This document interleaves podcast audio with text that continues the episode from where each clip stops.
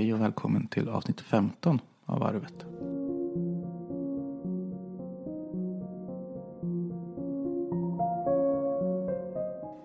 Idag sitter jag inte ensam här, äntligen. Jag sitter på mitt kontor och jag har en gäst, eller gäst. Min eh, side host är på plats, vilket är trevligt. Ja, Så mamma idag är jag är här. här. Hej på er. Hej, hej. Är det bra?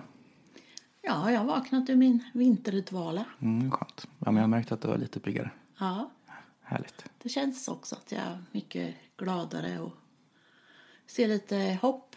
Mm. Och det är toppen. Ja, nu har jag spelat in tre avsnitt själv så jag tänkte väl att det här får bli mammas avsnitt lite. Men jag sitter väl Lite- med här som bisittare och Lite tycker otrogen till. där har han varit. Ja, men det har varit så lite.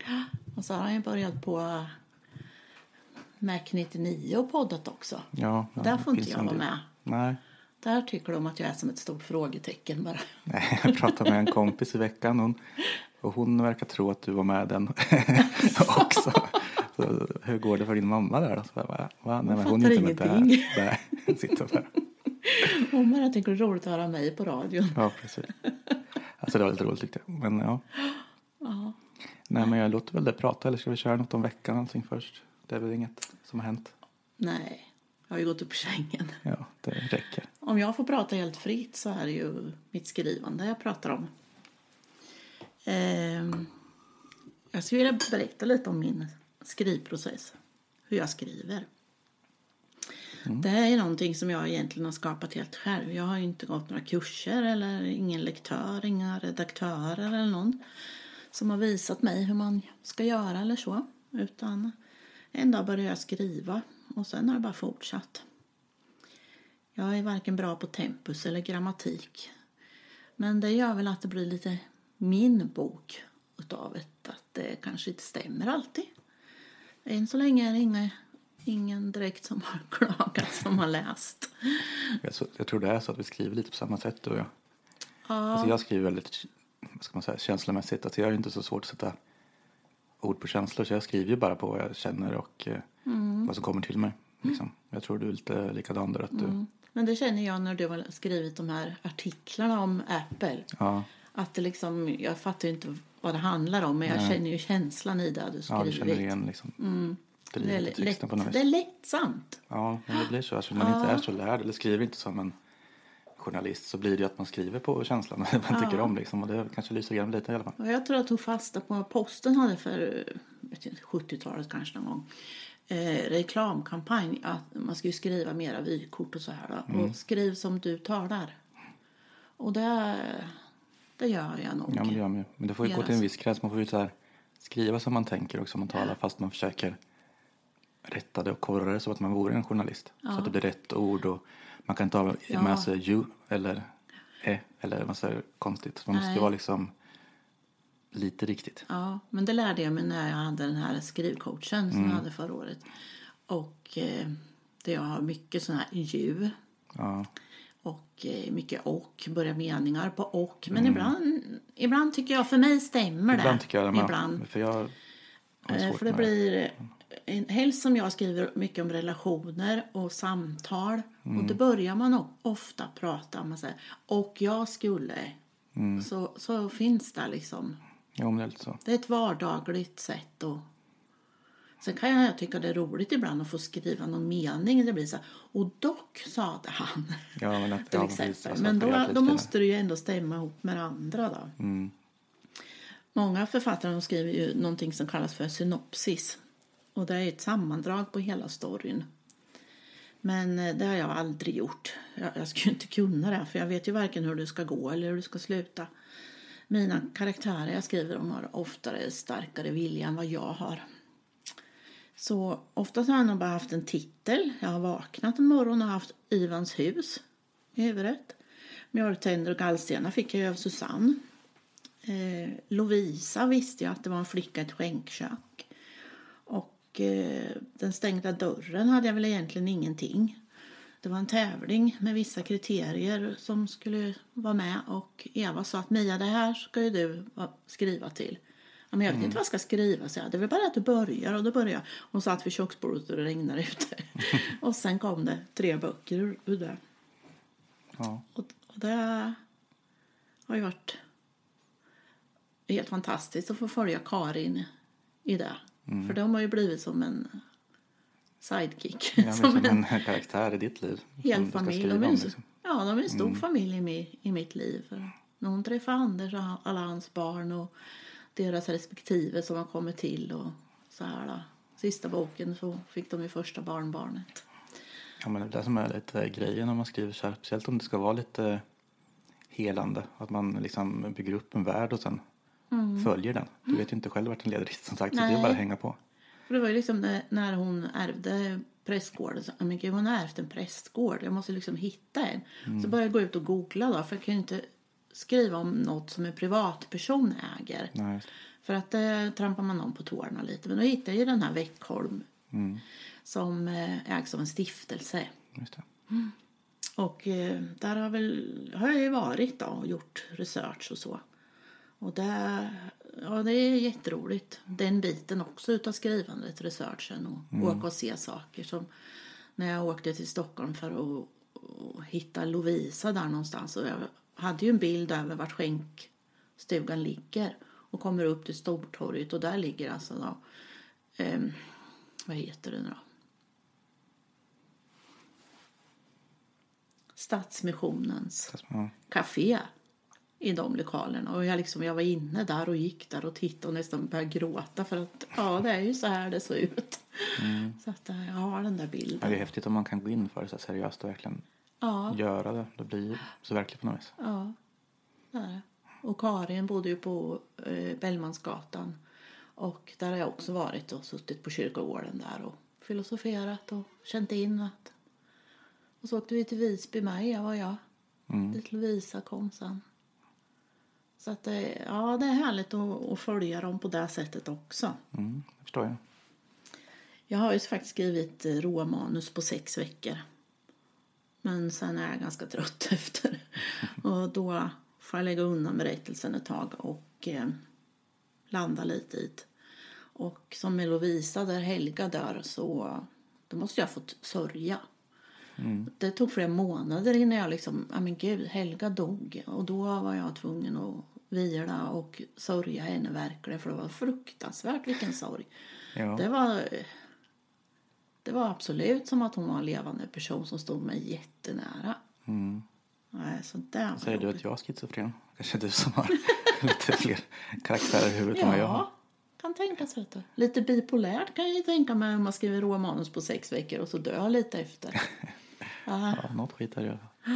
ja, så är det nog. Jag gör ju viss research. Som när jag har åkt till Veckholm och så. Då. Veckholm ligger söder om eh, Enköping. I, ifrån Stockholm i 18 ut där. Väldigt vacker trakt är det. Men samtidigt så har jag möjlighet att lägga prästgården bredvid kyrkan. Där ligger den inte egentligen. Nej, Den ligger på andra sidan vägen. det är lite konstnärlig frihet. Ja, det är det ju. Det måste man ju också. Det passar så bra att de kan gå ifrån trädgården, körsbärsträdgården med, rakt ut på kyrkogården i boken, vilket de inte kan på riktigt. Och Säpo ligger ju numera vid Norrmalmstorg. Det vet jag ju att det ligger ute i Solna då, men jag tycker det är, för Jonas del är det väldigt praktiskt att det ligger vid Norrmalmstorg. Ja, ja. Ja. Men eh, sen tycker jag det är så roligt att Mickis butik ligger på Sturegatan och har utsikt över Humlegården och att de bor två kvarter därifrån från, på Jungfrugatan. Det är liksom riktigt. Och sen fick jag ju massa ti- tips av eh, Ida Malmén, min systerdotter som är väldigt insatt i mode, fashion. Modebranschen. Och eh, Min kusin eftersom. Micke så älskar det här danska också då, som Ida gör så har jag fått massa tips om mm. Rodebjer och Stina Goya och de här Ja, det som Mickis har i sin dra in lite butik. kunskap från alla håll. Ja, det är roligt för man lär sig också. Mm, ja, men absolut. Även om inte jag har råd att köpa någon Rodebjerkappa då. Men, eh, Nej, men kan vi skriva om det. Det är perfekt. nu kommer ju mjölktänder och gallstenar ut. vilken dag som helst. Den håller på att bearbetas på BOD. Mm. Ja, det borde ju komma nu i veckan så nästan. att den eh, kommer där Jag skickade in, när var det jag skickade in den? I torsdags. torsdags ja. Mm. Ja, Då borde den nästan vara ute den här veckan. Mm. Jag var ute och tittade på deras hemsida, BOD. Och eh, det står att den håller på att bearbetas. Och jag har inte hört någonting så att eh, borde väl vara på G. Ångerveckan har jag skrivit också en bok. Det finns ingen ångervecka i himlen. Just det. Där var lite svårt att göra research. Mm, det handlar om Gud. Den handlar om en, kvin- en ung kvinna som tar livet av sig. Eh, för att hon, ja, hon är pundare alltså. Och eh, när hon dör då och kommer till himlen eller förrummet där så tänker men vad fasen Gud finns ju. Vad har inte han visat sig för? Så hon gör ett personligt besök hos Gud. Ställer honom mot väggen. Och de börjar diskutera och han eh, tar med henne på en golfrunda för att det är vad Gud gör när guden sköter det hela. Och eh, de diskuterar ju religion, krig, allt det här. Ja, Väldigt värd att läsa måste ja jag säga. Ja, Ja, det är spännande. Den är det diskuteras mycket viktiga saker i den. Mm. Men eh, ja, man har väl lite bipolära drag då kanske om man kan skriva en bok fort och sen går man därifrån och sen pratar man med sina karaktärer ändå. Ja. När en bok är klar kan jag sakna dem. Mm. Där det är så här tomt. Jaha, nu sitter de där på sista sidan och gör vad då? Ja. Men så där, är- man är väl så som person kanske man går in i saker.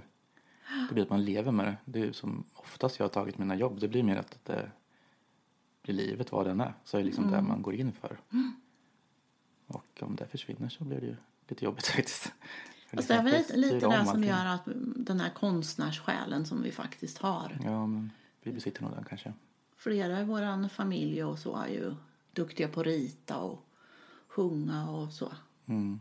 Så att, eh, jag är ju faktiskt en känd konstnär i, i familjen. Min farmors farbror var ju väldigt känd på sin tid. 1800-talet. Aron Järndal. Så han var konstnär.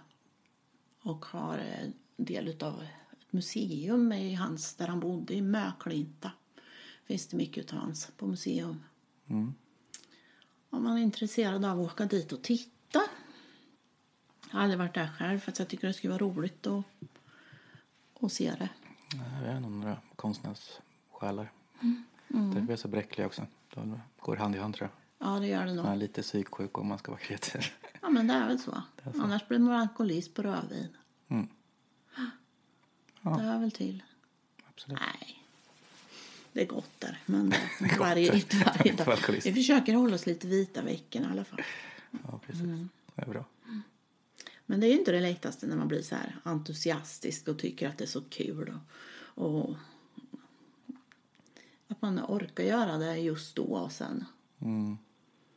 blir man helt slut sen. Men det blir, blir farligt med det. Typ, Som jag som har ganska mycket att göra nu i firman så tycker jag ändå att typ 99 Mac och Macradion och den här podden är liksom det roligaste jag har att göra.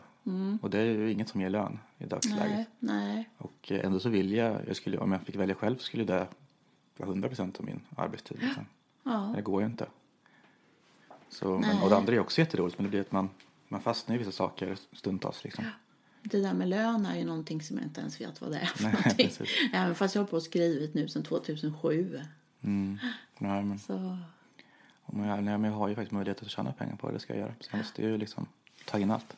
Men det är just det, det, är just det vi pratar om att man fastnar i något och engagerar sig i det. Det, det skiftar ju ganska kraftigt. ja, men det gör Så det. ett tag är det här och sen är det det andra. Men man är sen- ju riktig periodare. Ja, men precis. Om jag vore alkoholist skulle jag nog supa perioder. Ja, men så är det. Ja, Så har man tröttnat på det. Så när man nykter ett halvår så super man igen. ja Det är precis. GV-stil Ja. på det. Ja, men det de är ju så. För då man skriver gör. man och sen kan jag få en period där jag bara bakar. Mm. Och så får jag en period där jag bara läser. Och nu är jag inne i en period där jag bara ser på film. Ja. För jag helt plötsligt hittat att vi har via, via Play. Så att det är, Det är nog så det väldigt mycket att man lustigt det där. periodar saker. Men eh, Mjölktänder och gallstenar har ju tagit mig över tre år att skriva. Eh, från där jag fick namnet till liksom Susanne sa, men det där låter som en boktitel. Och så tänkte jag, jaha, men vad skulle den handla om då? Jag tänkte liksom på när jag använde det här mjölktänder. Jag packade ju dem när jag var sex år och rymde hemifrån. Och då var det ju det som en kod för att nu drar vi. Ja, och sen kom ju John och Mickis där med tågluffen och det var ju också en, ett par kompisar till oss som skulle ut och tågluffa som också bara kände ja men det skulle ju de kunna göra. Så att eh, man hittar lite så här här och lite här som man plockar ihop till, till att bli det. Men det har ju också varit svårt i och med att jag inte orkar jämt. Nej. Eh, att jag sätter mig och skriver och sen orkar jag inte. Och sen måste de få vila. Men samtidigt så känner jag att ja, men gud, nu, nu sitter ju de där på tåget. De måste ju komma fram någon gång. Det måste ju liksom hända någonting va? Och då, då tycker jag nästan synd om dem. Och då tycker jag så mycket om dem att de blir liksom verkliga personer men ja, men det är så sjukt som du säger också med kreativt arbete för det ger ju så jäkla mycket tillbaks. Jag mår ju så bra när jag arbetar. Eh, Så därför, när man inte orkar eller mår sämre, då är det som att man sviker sig själv och arbetet. För att jag vet bara, jag hade kommit igång och gjort det här så hade jag mått så jävla bra. För jag blir nöjd med det jag gör och liksom får vara kreativ och göra något vackert förhoppningsvis. ja precis Och det liksom blir ju, stärker ju mig. Men sen är man liksom på någon plats där man inte ens orkar ta sig till att börja. nej är, Nej, men så är det. Jag kan ju gå in och titta i arbetsrummet och bara säga suck och så går jag och lägger mig istället. mm, ja. Men sen när jag väl sätter mig där så, så kan jag sit, bli sittandes. Och så rätt som så tittar jag till på klockan. Men gud, jag har suttit i fyra timmar. Och jag är ju så hungrig så jag har brödärren och så jag är så trött och jag är så tom i huvudet. Så jag vet ju inte vad jag skrivit ens en gång. Nej. Men liksom fingrarna bara går. Och sen när jag går tillbaka nästa dag, kanske när jag har sovit ett halvt dygn då, och tittar vad jag skrivit, då kan det ju ändå vara rätt bra. Mm, ja, men då är det ju nästan som att man släpper eh, det medvetna. va? Mm. Att jag släpper mitt e- eget medvetande och så går jag bara in i det här. Och då bara... Ja, det är som är så skönt. När man väl alltså, bara hänger sig till det. Och Ja. bara skapar vad den är. Mm. Likadant jag ritar var någonting. någon som målar, att de bara liksom... Mm, man stänger liksom bara av sen bara gör. Det är oftast då det blir bäst också. För när man tvingar fram någonting, då tänker man ju för mycket. Ja, det då är man ju i tanken och arbetar. Och det är ju inte bra om man ska jobba, göra något kreativt. Liksom.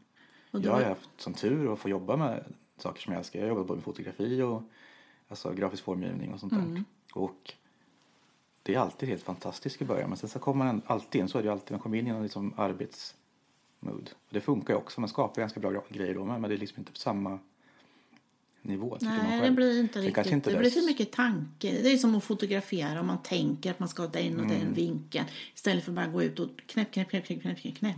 Så tror jag ju att man har några bra bilder. Alltså, som är... Jag tror det kanske inte märks från utsidan liksom. Alltså det jobbet med Dermer Fonse ser säkert exakt likadant ut. Det är bara att man själv inte har sin själ i det. Nej, just det. Själen är ju viktig. Ja, precis. Det, liksom, Ja, det är den. det är en ganska viktig skillnad ändå. För en själv i alla fall. Ja. Men det är ju det här med de här samtalen som jag tycker så mycket om. Och människorna som de möter. Eh, John och Mickis i Mjölktänderna, de åker ju på en tågluff och möter ju massa människor som de har samtal om livet med. Och det tycker jag är intressant där. Som du och jag pratar om här mycket, livet och, och döden och så här. Ja, Men det är inget konstigt egentligen, för det kanske, vi, det kanske är det vi pratar om när vi... Jag tror det är lite i- skönt. Jag är där, jag vill gärna kunna styra ett samtal i huvudet. Jag brukar planera samtal man ska ha i huvudet redan. Mm. Och då får man inte de svar man vill ha. Så det blir ju aldrig som manuset jag har skrivit. Eh, Så då man kan ta sig friheten att skriva ett eget samtal. Det är ju jävligt skönt. det är ju Då får bra. man ju fram det man vill. Ja, Jo, men man går ju med mycket tankar som man kanske tycker är lite smarta. för det är det ju i den här eh, i en lägenhet på Söder. Mm. Eh, Yvonne, 97 år, hon sitter ju och ser på tv och dricker whisky om kvällarna. Och sitter ju och blir förbannad på nyheterna. Gött Och där kan jag få ut mycket av det här som jag tycker om samhället idag. Mm. Fast det är inte jag som tycker det, utan det är Yvonne som Mm. tycker. Men eh, någon röd tråd utav mitt tyckande är klart att det är. det blir det. Alltså, det Mm. Men så kan ju hon tycka saker som kanske inte jag tycker egentligen är så viktigt. Fast att eh, jag tycker att det kan vara viktigt att få ut det i alla fall. Kommer Och då kan för dig tycka själv när du skriver ner sig. Vad fan, fan säger Fan, hon kärringen? Ja, men så kan det vara. Men det är som när jag, bör- när jag började skriva Den stängda dörren och, och helt plötsligt så är morfar där som har varit död i åtta år. Mm. Och jag liksom skickar sms till Eva, då, min kompis eh, som läser det jag skriver. Att, eh, men herregud, morfar är ju kvar här. Han är ju död. Ja, men gud, vad gör han då? Ja, han står ju här och röker. röker John Silver med filter, med, eller utan filter med munstycke, precis som min farfar gjorde då. Så att, fick vi med honom där lite också. Då. Det är Men det där som är så. så sjukt, för jag tycker ändå om att typ skriva dagbok så när jag mår lite sämre. Mm. För det är samma sak där, att man typ hänger sig till det och sen börjar skriva ner saker. Mm. Det blir som att man skriver nästan från något... Man får fram saker som man inte ens har tänkt på. Ja, så är det. Man skriver liksom från det undermedvetna nästan. Ja. Man får ner det här som man behöver få ut. Ja. Som man Som man ändå inte kan säga till Nej, någon. precis. Nej. Så det är inte alls samma sak. Alltså, Jag får ut mer av att skriva egentligen än att gå till en psykolog Mm. ibland. Men så är det, jag är också mycket lättare för att skriva. Mm. När jag vill säga Håkan någonting så, som inte jag egentligen vill säga så skriver jag det. Mm, det är svårt när man är sånt. För de flesta är tyvärr tvärtom. tvärtom. Fast det var ju så jag började att skriva egentligen. Att jag fick en blå dagbok Mm. i julklapp tror jag, eller när jag fyllde. Och började skriva i den. Men då var det så här, kära dagbok, idag har jag varit i skolan. Mm. Men sen kom det ju mer och mer och sen tonårstiden skrev jag nog väldigt mycket och sen skilsmässan och så jag skrivit väldigt mycket. Och det är ju från dem som jag sen skrev mina första böcker. Eh, Under samma måne och Tusen tankar i natten. De är ju självbiografier från mina dagböcker. Är de ju. Vad häftigt det där. Jag, jag tänkte lite, eftersom att eh, du delade om din på Facebook igår om eh, dyslexi. Och skrev om vår bror. Eller min bror. Ja, just det. Men jag tänker mycket på mig själv där ändå. Alltså jag, jag hade aldrig lätt i skolan. Och jag kände själv att jag inte kunde läsa eller kunde skriva. Mhm. Förrän jag typ fick internet när jag var, vad kan jag ha varit, 14. Och började skriva så mycket. Mhm. Bara till vänner och chattade. Man lärde sig så jävla mycket. Om man började läsa, läsa engelska varje Ja, dag. Då lärde jag mig allting som jag inte har lärt mig i skolan. Bara på några år. Och idag tycker jag som sagt att jag är ganska duktig på att skriva. Och, Ändå hade du ganska lätt för dig i skolan. ja men det var nog med att jag hittade min plats liksom. Eller jag hade ju vänner och sådär. Men Ja. inte... Jag har aldrig läst en hel bok någonstans. Jag har inte ens läst dina böcker liksom. Nu får jag läsa lite. När jag redigerar det. Hörde ni? det vet om. Men liksom jag har inte läst en enda bok hela mitt liv stort sett. Men det, det är faktiskt sant. Jag, jag vet inte om det är någon i min familj som har läst mina böcker. Min syster har inte läst dem för hon tror att de är för nära. Hon tror att hon kommer bli ledsen om hon läser dem. Och då kan jag tänka att hon tror inte att de är bra. Så hon tänker att hur ska jag tackla hur ska jag tackla det och hur ska jag tackla Mia om jag läser hennes böcker och tycker de är jättedåliga? Kan inte hon säga det till mig? Nej, men vad skulle du tycka det för? Det är de ju inte. Det är de ju inte. Nej. Hon skulle ju älska dem om hon läste dem. Ja, speciellt de här lite berätt med berättelsen, tänker jag. Borde passa henne. Men jag kan tänka mig om det är nära att läsa liksom självbiografin, de här börja, Ja, första. Det, fast, den första hon har läst tror jag. Men den Hon läste jag med, men det var ju mer en nyfikenhet. Och den läste mamma. Ja. Och så, det där var väl inget roligt. Nej, Nej, så jag, men det är väl, har väl inte varit något roligt heller. nej. Så, men det är svårt att få de här, det är ju så. Mm. Få stöttningar från närmsta. Klart att folk tycker att man gör bra saker, men det är ingen som tar in det man gör på samma sätt som man själv liksom. Nej. Hur nära någon än är så Man kan ju få, jag kan ju få det, oh men gud jag läste den boken, den var jättebra. Men sen ville jag liksom veta, vad var det som var bra? Mm. Var det karaktärerna som var bra? Var det berättelsen som var bra? Är det mitt eh, språk som är bra? Eller vad är det som är bra? Fast det är, det är väldigt svårt att få fram faktiskt. Mm. Sen har jag ju några som tjatar på mig. Ja, men när kommer nästa bok då? Och så, jag har en eh, gammal skolkamrat som ringer till mig ibland och säger, när kommer nästa bok? Nu vill jag ha en till. Och, och det är en väldig sporre för mig faktiskt. Ja, men så är det verkligen. Och det är jätteroligt. Och då tänker ja, men jag skriver väl för dem då. Om jag har fem läsare som tycker väldigt mycket om mina böcker. Då kan jag skriva för dem fem. Men det, är så, det kan räcka. För jag har fått också så här jättekonstiga, eller konstigt inte, men vänskaper typ. Säg att jag kanske sålt till någon via webbsidan först, Mm. alltså webbutiken. Sen har man börjat prata för man gillar lite samma grejer. Ja, Sen har den kanske börjat följa en både via den här podcasten och andra och pratar mer och skriver och, och tycker till om saker. ja. Och man liksom har ett samtal om sånt och den kontakten får man inte med andra omkring sig riktigt. För det här är folk man inte känner fast ändå kan bara tala om vad de tycker. Ja, precis. Och det, det är ju värt massor. Det är därför man gör det i stort sett. För den där lilla diskussionen man får där är ju helt, Ja, det är det. är det som driver den. Ja, visst är det det. Att det någon liksom- som inte känner mig säger, okej, jag läser din bok. Det var jättebra. Det är ju ashäftigt. Och sen liksom, det är ändå, det är en sån liten grej men det betyder så extremt mycket. Ja, det gör det. Jag har flera stycken sådana nu som jag vet. Sen har jag fått nya vänner, andra författare som ger Mm. ut på e- egenutgivare då. Där man liksom tagit kontakt eller de har tagit kontakt med mig. Ja, jag skulle vilja läsa din bok och jag har skrivit den här. Och då har vi bytt bok Mm. och läst varandra. Så det har väl varit på både Ja, man har, men där kan man ändå vara så ärlig i det man tycker. Då kan jag säga att ja, jag tycker du skriver så här och så här. Och jag, men det här är liksom inte min genre som jag Mm. läser. Men att eh, jag tycker ändå du har fått fram någonting och, och jag tror säkert att det är många som tycker att den är bra. Men det kan vara nyttigt då, då liksom att få andra intryck bara. Ja, det är det. Och då, då tror jag att mer att man får ärlig kritik att det här är så. här. För där fick jag, det var ju en kille som skrev till mig i den här för, författargruppen jag är med. Att eh, berättelsen är ju jättebra men det tekniska är ju inte bra. Mm. Så nu lämnar jag ju den sista e-talet till dig och läser igenom den. För Ja, att du ser ju där jag kanske kan bättre heller, än jag har inte mig. lärt det heller liksom. Mm. Jag är mer, jag tänker mig grafiskt så vet jag att det ska se snyggt ut men jag vet inte om det ser rätt ut. Nej, men Det jag tror så att den här gör det. och Det det- ska bli intressant att se när de mjölktänder hur den är teknisk också nu då. Mm. Men jag läste ju, jag försökte ju läsa, men då fanns det liksom två vägar att gå. Antingen kör man all in, kör alla de här indragen och allting man ska göra. Ja. Eller kör man bara högerställt rakt upp och ner Ja. Med taltecken och allt det där Mm. som vi gjorde nu. För det blir ändå lättläst, även fast Mm. det blir kompakt så. Ja. Så jag tänkte jag kör på den för att se om det funkar. För jag känner nog inte att det där tekniska i en bok, det är inget som stör mig. För det är samtidigt ett val man gör som författare, hur man vill presentera det. Mm. För att eh, jag, jag tycker det är så roligt att läsa en bok som är inte bara en genre, inte bara deckare, inte bara kärleksroman. Som nu läser jag Ål-evangeliet. Ål-evangeliet. Ja, det. Ja. Och det är ju egentligen en faktabok, men en roman, eller vad ska jag säga, inte en roman heller. Berättelse om den här pojken, och hans pappa, som fiskar ål. Och det tycker jag är jätteroligt att läsa när det är liksom två genrer i samma. det blir lite det är liksom gränsöverskridande. Och där kan jag känna mig teknisk också. Jag har läst de här böckerna, ja, vad heter hon då?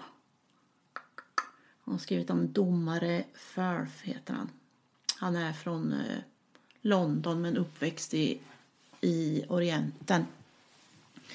Och hon har ju alltså stoppat, hon kan börja ett samtal mitt i, på en rad. Och det har man ju fått lärt sig att alla samtal börjar på, på en ny rad. Men hon alltså, hon börjar ett samtal mitt i en rad. Och det, för mig funkar ju det jättebra för jag, det följer ju liksom. Jag behöver ju bringa stopp så. Nej, men jag tror man får nog hitta sin egen stil sådär. Det likadant hur som jag skriver. Som jag inte kan skriva riktigt kanske i artiklar nu. Men så jag sätter ju alltid punkt. Mm. Alltså hela tiden. Jag kan ha tre ord i en mening som punkt. Tre ord i en mening som punkt. komma ska jag. Jag Ja, skriver jag vet. för mycket tycker komma det istället är så jag, jag. tänker, pratar så här. Det kan ju vara så här meningar som är helt skiftande. Bara för att mina känslor kommer så liksom. Då skriver jag så. Så de som läser det som, som jag skrivit i blogg och så som handlar om mig. Ja, De förstår ju det eller ser ja. och tycker det är jättebra för det är liksom så jag eh, utformar mina meningar. Mm. Men det är ju inte alls korrekt. Jag skriver mycket komma. Jag kan ha tre komma i en mening. Ja, men det har jag märkt att jag också gör ibland. Ja, Liksom, jag, punkterna blir ett sätt att driva texten framåt liksom. Man kan skriva ganska ja. koncisa meningar så här. Jo, precis. Och då går Då kan liksom man ju skriva framåt. korta stycken också. Och jag tycker om luftiga eh, böcker där Mm. det liksom är styckeindelningar och det är liksom några meningar som är ett, ett nytt stycke och så här. Det är så man inte ha senaste boken kanske. Att det ska vara lite så här luft emellan också. Mm. Inte så här kompakta. Ja, men det är ju skönt om man läser för att liksom ha man ett andrum.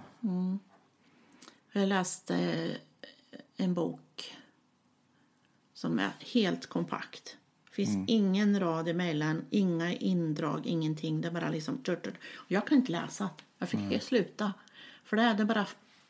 Det är som bokstäverna bara kastar sig emot mig. Mm. Ja, så känner jag mig. Får lite panik och bara det är, man måste ha lite luft och lite andrum i Vad hela. det jag, sö- vad jag sökte i din bok när jag redigerade nu vad var det? Det var 1918 talsträck tror jag. Så det är mycket dialog i den. Det är mycket dialog i den. Men det vet jag att det är mycket 1900 dialog i den. För det är, det är det som är lite grejen med den boken. Att, de, att samtalet. Jag satt och ändrade alla manuellt först. Tills jag kom på att det går ju att söka tecken Ja. också. Det är inte bara ord som går att söka. Nej. Så nästa gång så då tog jag bara sökte för då tog jag ett bindestreck tror jag. Det skulle vara talstreck. Då ändrade jag det på två minuter. Men jag har suttit först två timmar och ändrat manuellt. Men då kan jag inte skylla på att Nej, det är dålig timpenning. fel. Det är mitt eget För fel. det, Men det- jag har faktiskt betalat för Ja, timpenningen vet. till det var jag bara skrattretande jag kom på det. Fan, det går ju att söka. Eh, vissa saker får du faktiskt lära dig. För Men det gör jag. Det är konstant kurva. Nu tänkte jag skulle lämna nästa bok till det. Till, Mm. Fast den ska inte komma ut. Jag vet inte hur, hur ofta kan man ge ut en bok då? Jag har ju flera manus ligger färdiga. Jag har i en lägenhet på Söder ligger klar. Den har jag skickat in till flera förlag och blir refuserad naturligtvis då för att de ger ju bara ut, ut eh, yngre debutanter eller kändisnamn. Mm, precis. Mia svårt. 60 får inte debutera då tydligen. Jävligt. Och sen eh, har jag ju Ivans hus. Mm. Och sen har jag ju tredje delen i min självbiografi. En stjärna föll för mig. Finns att och ta. den har jag ju fått eh, flera förfrågningar om faktiskt. För att eh, de första då, eh, Under samma måne och Tusen tankar, de gav jag ut på ett annat förlag, Recito. Och då gjorde, tryckte de ju upp hundra böcker. Mm. Och när de är slut så är de ju slut då. Och faktiskt skickade jag iväg den sista nu för ett par veckor sedan. Så nu har jag inga kvar utav dem. Jag har mina ex då, som jag inte ens lånar ut. För att jag har lånat ut och inte fått tillbaka. Så eh, jag funderar på om jag skulle göra en em, sammanställning av de tre och ge ut som en trilogi i samma bok. Sammanställa dem. Ja, för det, de är ju inte så långa någon av dem. Nej. Och den tredje är ju inte längre än de andra. Så att jag tror att det blir en ganska lagom tjock bok. Mm, och ge ut dem alla tre. Mm.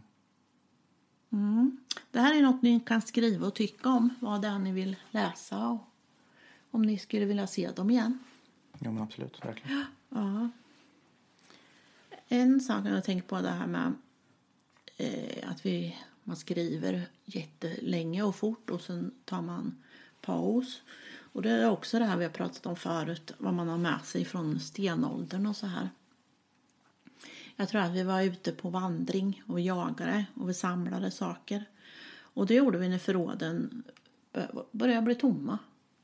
Och sen fyllde vi på våra förråd, dödade ett stort djur och så gjorde vi nog ingenting. Nej.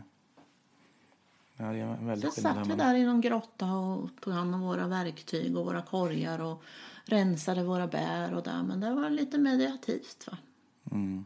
Jo, men alltså, vi har ju inte skapat oss som vi säger för att arbeta åtta timmar om dagen. Nej. veckan. Det har vi inte. Det är Utan- något helt annat. Jag tror att vi, nej, som du säger, man, man ska inte jobba som idioter i 48 veckor och sen ligga i en solstol i fyra veckor. Jag tror vi ska jobba mindre och ha ledigt oftare. Som skolbarnen, de har lov i februari november. Och så tar vi lite extra ledigt i maj där vi Kristi flygare. Och när julen kommer så tar vi några dagar till. Annars tycker jag att vi ska jobba sex timmars dag eller fyra dagars vecka. Det borde vara valbart. Ja, absolut. Det är så ofta det är någon borta på jobbet ändå. Jag tänker på Håkans jobb, som han jobbar på kontor. Då. Det är ofta som någon är borta, någon har semester, någon är sjuk eller så. Men det flyter ju på ändå. Men det där det är många som provar. Jag tror det var, undrar om det var Google som provade. De hade det var fyra dagars vecka och sex timmars dagar så de jobbar ju betydligt mindre. Men de måste öka sin produkt. Ja, så det det tror mycket jag också. bättre. För att folk är mer närvarande liksom när de väl är där. För jag tänker att det här ska jag, nu har jag det här jag ska göra och jag går hem klockan tre. Så det är okej att jag jobbar på. Tar lite mindre lunchrast och så jobbar jag på. Och så får jag gå hem sen.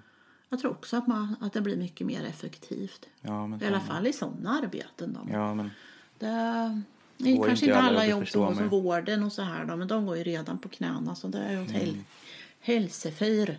Ja, Vården är åt hälsefyr. det märker jag bara själv nu. För nu går jag liksom efter Astrids tider i stort sett. Så det är ju sex timmar om dagen, fyra dagar i veckan. Det är liksom, det är en perfekt arbetsvecka egentligen. Ja, det tror jag. Och då hinner du med familjen och du behöver inte ha dåligt samvete för att du vet att du, jag ska jobba nu. Mm, precis. Och eh, måste, man, eh, ja, man hinner med det andra också. Mm. Jag har ju knappt kommit in i det här så att Astrid var sjuk och allting. Men det är ju det här liksom jag längtar efter att komma in i. Jag tror ju att jag känner att det här är ju hur bra som helst. Är för mig som person som får mer tid. För mig själv och med familjen liksom. Det, Men då kan man ju vara närvarande när man är med familjen. Då kan man lägga ifrån sig mobilen och så och vara med.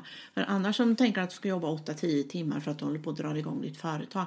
Då blir det kanske att du sitter med mobilen fast att all, Astrid och du är i lekparken. mm. Och nu kan du kanske lämna mobilen hemma när ni går till lekparken. För att eh, nu jobbar jag de timmarna jag ska och så är det bra. Ja, det är fortfarande svårt att försöka. Men oftast det är ju, det innebär nästan kontakt dygnet runt med folk just nu. Ja. att folk skriver så här, så Ja. att det är lite svårt. Men jag försöker bli bättre på det. Fast det är väl jätteroligt att det här fungerar. Mm, absolut. Det är jättekul. Det är Tycker jag. Hoppas verkligen. Men jag tycker vi ska ta lite mer ledigt. Så jag hoppas att jag får kaffe när jag åker hem. Och sen tycker jag, har en hälsning till er allihopa. Gå ut och krama träd. Lyssna på barnens skratt. Drick cappuccino på en trottoar med, kanske inte idag då, men Nej, vårsolen kommer ju. Och läs den där boken. Gärna skriven av Mia Möller. Och njut av det där som vi har framför oss. För en dag så ligger vi där med näsan i vädret och undrar. Mm. Var det där livet eller? Ja, får inte tillvara på det. Ja, Försöka i alla fall. jag känner det nu när jag har januari och februari liksom bara försvann tycker jag. I och för sig så saknar jag inte de månaderna men eh, jag saknar tänka att jag inte har orkat med barna och barnbarna och så. Mm. Och göra det jag vill. Hemma ser förskräckligt ut nu. Ja, Men att eh, vi tar en, en dag i taget. tycker jag låter bra. Ja, men då säger vi väl så. Känner vi oss nöjda. Vi känner oss nöjda. Det är bra samtal tror jag. Det var bra samtal det här. Mm. Men fint, då ses vi väl när vi ses. Vi Ingen ses när vi ses. Vi jobbar när vi känner för det. Ja, det gör vi. Inte oftare inte. Nej, för fan. Nej. Måste in och ligga på soffan och se på film också. Helt klart. Nu ska vi se fatt Tu- Tunis, de avsnitten jag har missat. Gör det. Ja. Puss och kram. Puss och kram. Ha det gott. Och ni vet ju vart ni hittar oss. Instagram och Facebook finns vi på. Skriv gärna, gilla och allt det där man gör. Och eh, arvet hittar ni, jag tror faktiskt på de flesta podcasttjänsterna just nu. Så att eh, sök och lyssna och ge gärna lite betyg. Höga betyg då, för det hjälper till med spridningen. Då blir vi glada. Tack så mycket. Hej då.